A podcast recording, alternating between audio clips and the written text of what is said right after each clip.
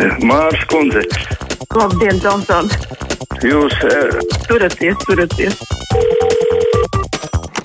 Telefona numurs 6722, 888, un 672, 559, elektroniski rakstiet ar krustpunkta at Latvijas raidījumā, vai arī mājaslapā sūtot savu sakāmo, ko nu gribat pateikt. Jā, lūdzu!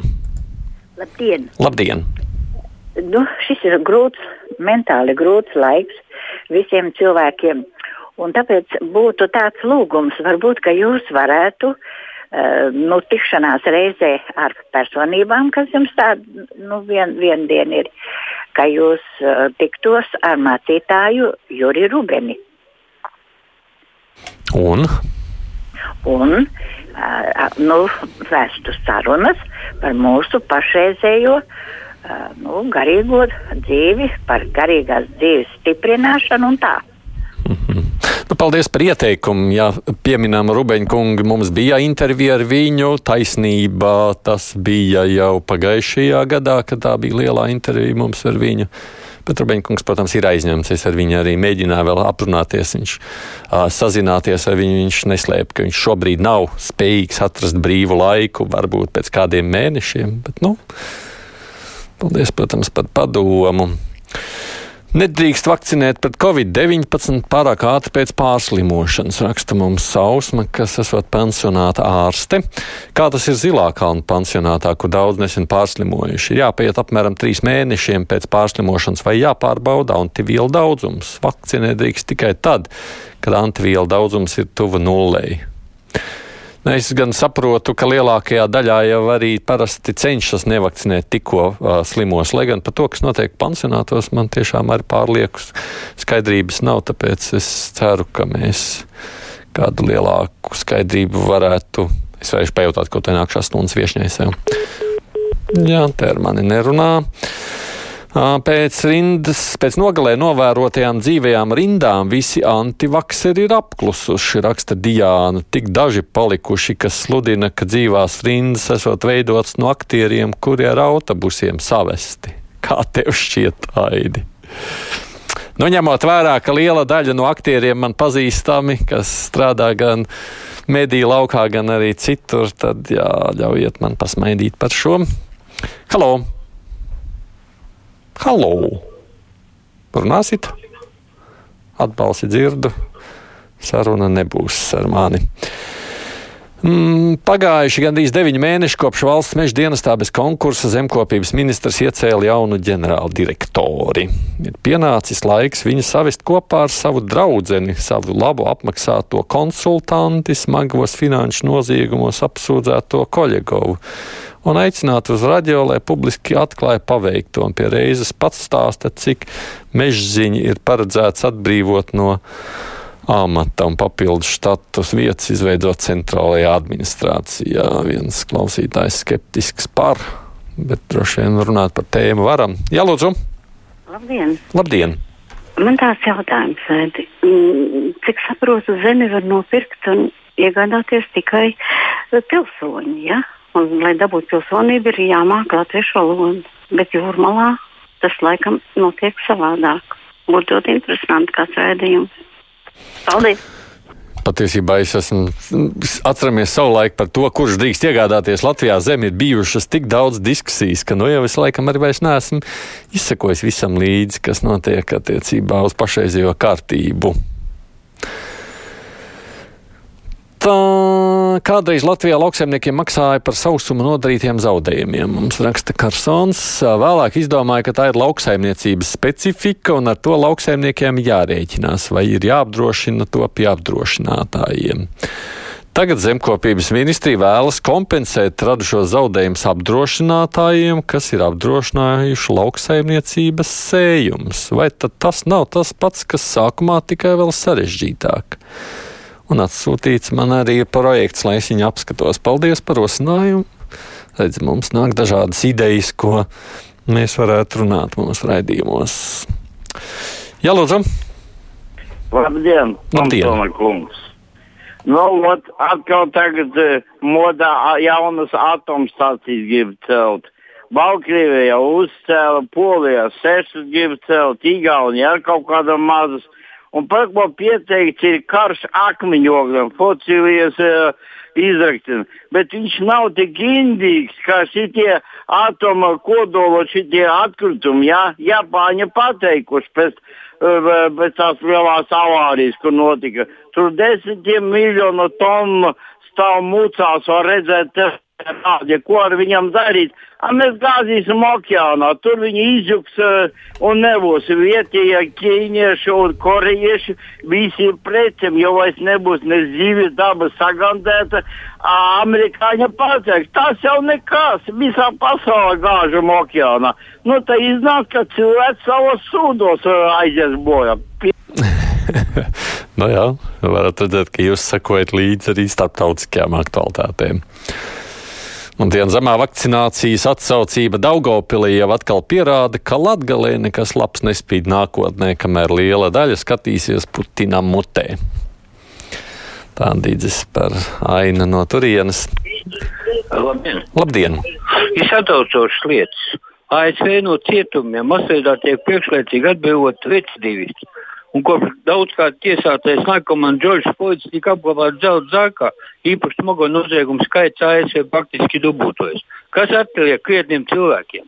Negaidiet, kamēr demokrāta partijas atbalstītāji jau būs izvairojuši jūsu bērnus vai nogalinājuši jūsu ģimeni. Oh, skarbi, bet mums ir tāda ar viens skarbāks starptautisko notikumu komentētāji parādās, kas nozīmē, ka acīm redzot Latvijā vairs netik ļoti mēs varam palūkoties, kas notiek arī pasaulē.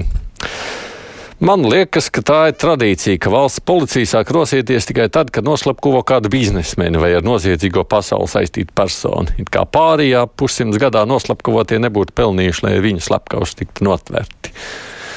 Manuprāt, tā ir šķirošana, un ministrs Girģens regulāri rāda savu bezspēcību, sākot ar nekontrolēto masu pulcēšanos Daugaumalā Covid laikā. Viņam pienāca laiks atkāpties tā mums.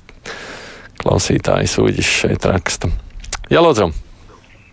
Labdien! Labdien! Es, es ļoti priecājos jūs atkal dzirdēt. Paldies! Sazvanīju un sazvanīju, jā, novēlu visu to labāko. Bet, ziniet, man tāds nopietns jautājums par to ūdens, augstā ūdens starpībām, tām regulācijām. Es zinu, ka ir nolēmis pie tā jautājuma nopietni ķerties jaunais Rīgas pašvaldības un Rīgas domas priekšsēdētājs Stačkungs.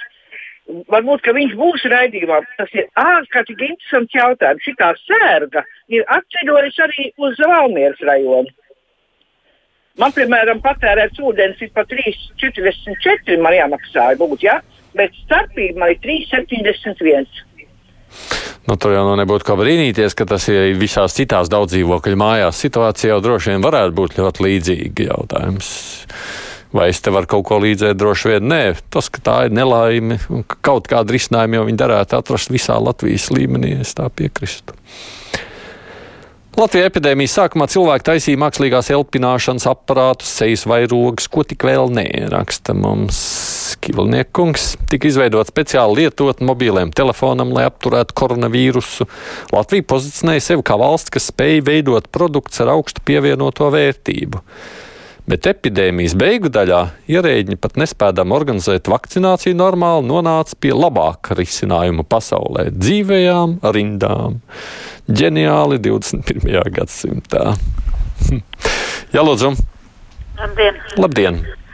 Cik var saprast, tad uh, pilnīgas skaidrības par to, kā cilvēkam uzvesties, lai aizietu vakcinēties, nav. Jo viens saka, vajag uh, ģimenes ārstu nosūtījumu, otrs saka, neko nevajag, trešais par slimībām, kad nav jāņem nekādas vērā.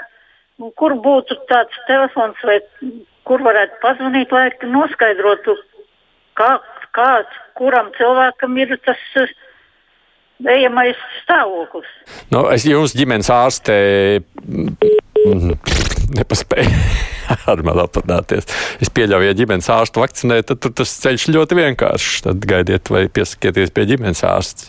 Ja jūs ģimenes ārsts to nedara, vai ja jums nav ģimenes ārsta, nu, tad iespējams tiešām ir jāmeklē vai jāgaida arī kāds cits ceļš. Nu, tā man liktos. Mm, labdien, ja runājat par pansionātu, par kuru vakar rādīja un stāstīja nekā personīgi, cik saprotu, tad tur vairāk ir uz kristietību un nekādas vakcīnas. Dievs jau viņus izārstēšot. Tādēļ man šķiet, ka tur ir tik dramatiski, raksta Gatis. Nu jā, tur arī tā aina nav tā labākā, kā mēs to redzējām. Jā, lūdzu! Labdien! Labdien! Man tagad vajadzētu tiešām uzdot jautājumu eh, mūsu premjeram, nu, ko viņš tagad domā par to vakcināciju. Nu, tagad cilvēki iet, nabaga cilvēki stāv rindā jau stundu iepriekš, bet nē, neatved, nav kas atved, vai, vai es nezinu, kur viņas tās vakcīnas viņi ņem. Nu, ja nav atkal to firmu, kas pieved, ka viņš nepievedīs to, nu, tad ir priekš tam mums tas birojs ar briesmīgi lielām algām, lai viņi ar savām mašīnām ved. Tad nebija problēma ar pieviešanu. Tur bija, protams, tik, cik bija ieplānots tajā brīdī vakcīnām. Tajā dienā tika arī atveda, vai tas ir pietiekoši vai nē. Tas ir jautājums. Es jau arī saprotu, nu, tā kā runa bija par AstraZeneca vakcīnām. Nu, tik, cik tur bija ieplānots, tik arī tas tika piegādāts. Es ceru, ka tad, kad vakcīna būs vairāk, tad arī šis jautājums atklusīs. Brīvie neatkarīgie mediji ziņo, ka Baltkrievijā noticis valsts apvērsuma mēģinājums, bet lūk, žurnālisti klusē kā ūdeni mutē ieņēmuši sorosisti. Laimdoti jūs klausāties radio arī vai nē? Burtiski tieši pirms brīvā mikrofona bija raidījumā ziņā pusdienā tieši par šo. Un, cim redzot, nedzirdējāt, bet jau ir savs viedoklis. Halo! Sveiks, Aidi! Sveiki! Kaut kā ir piemirsies jautājums par zāļu cenām, kuras ražo Latvijā. Latvijā ražotās zāles Latvijā ir dārgākas nekā kaimiņu valstīs. Vienlaikus to jautājumu tā pacēla, pacēla, mm -hmm. un tā ir kaut kā tik nopusis. Sakarā ar to Covid vai? Jā, nu, faktiski šis ir temats, par ko taisnība mēs atceramies. Tā, pirms vēlēšanām tas bija viens no tādiem pirmsvēlēšanu solījumiem, par kuriem tur ļoti daudz katra partija solīja rūpēties, lai situāciju mainītu. Iespējams, mums kādā reizē vajag atgriezties pie šīs tēmas un palūkoties kā tā aina ir. Viesturs raksts uzskata, ka Girģents ir labākais ministrs pēdējo 30 gadu laikā. Redzi? Arī šādu novērtējumu Girģents ir iegūst. Paldies visiem, kas rakstījāt, zvanījāt brīvajā mikrofonā.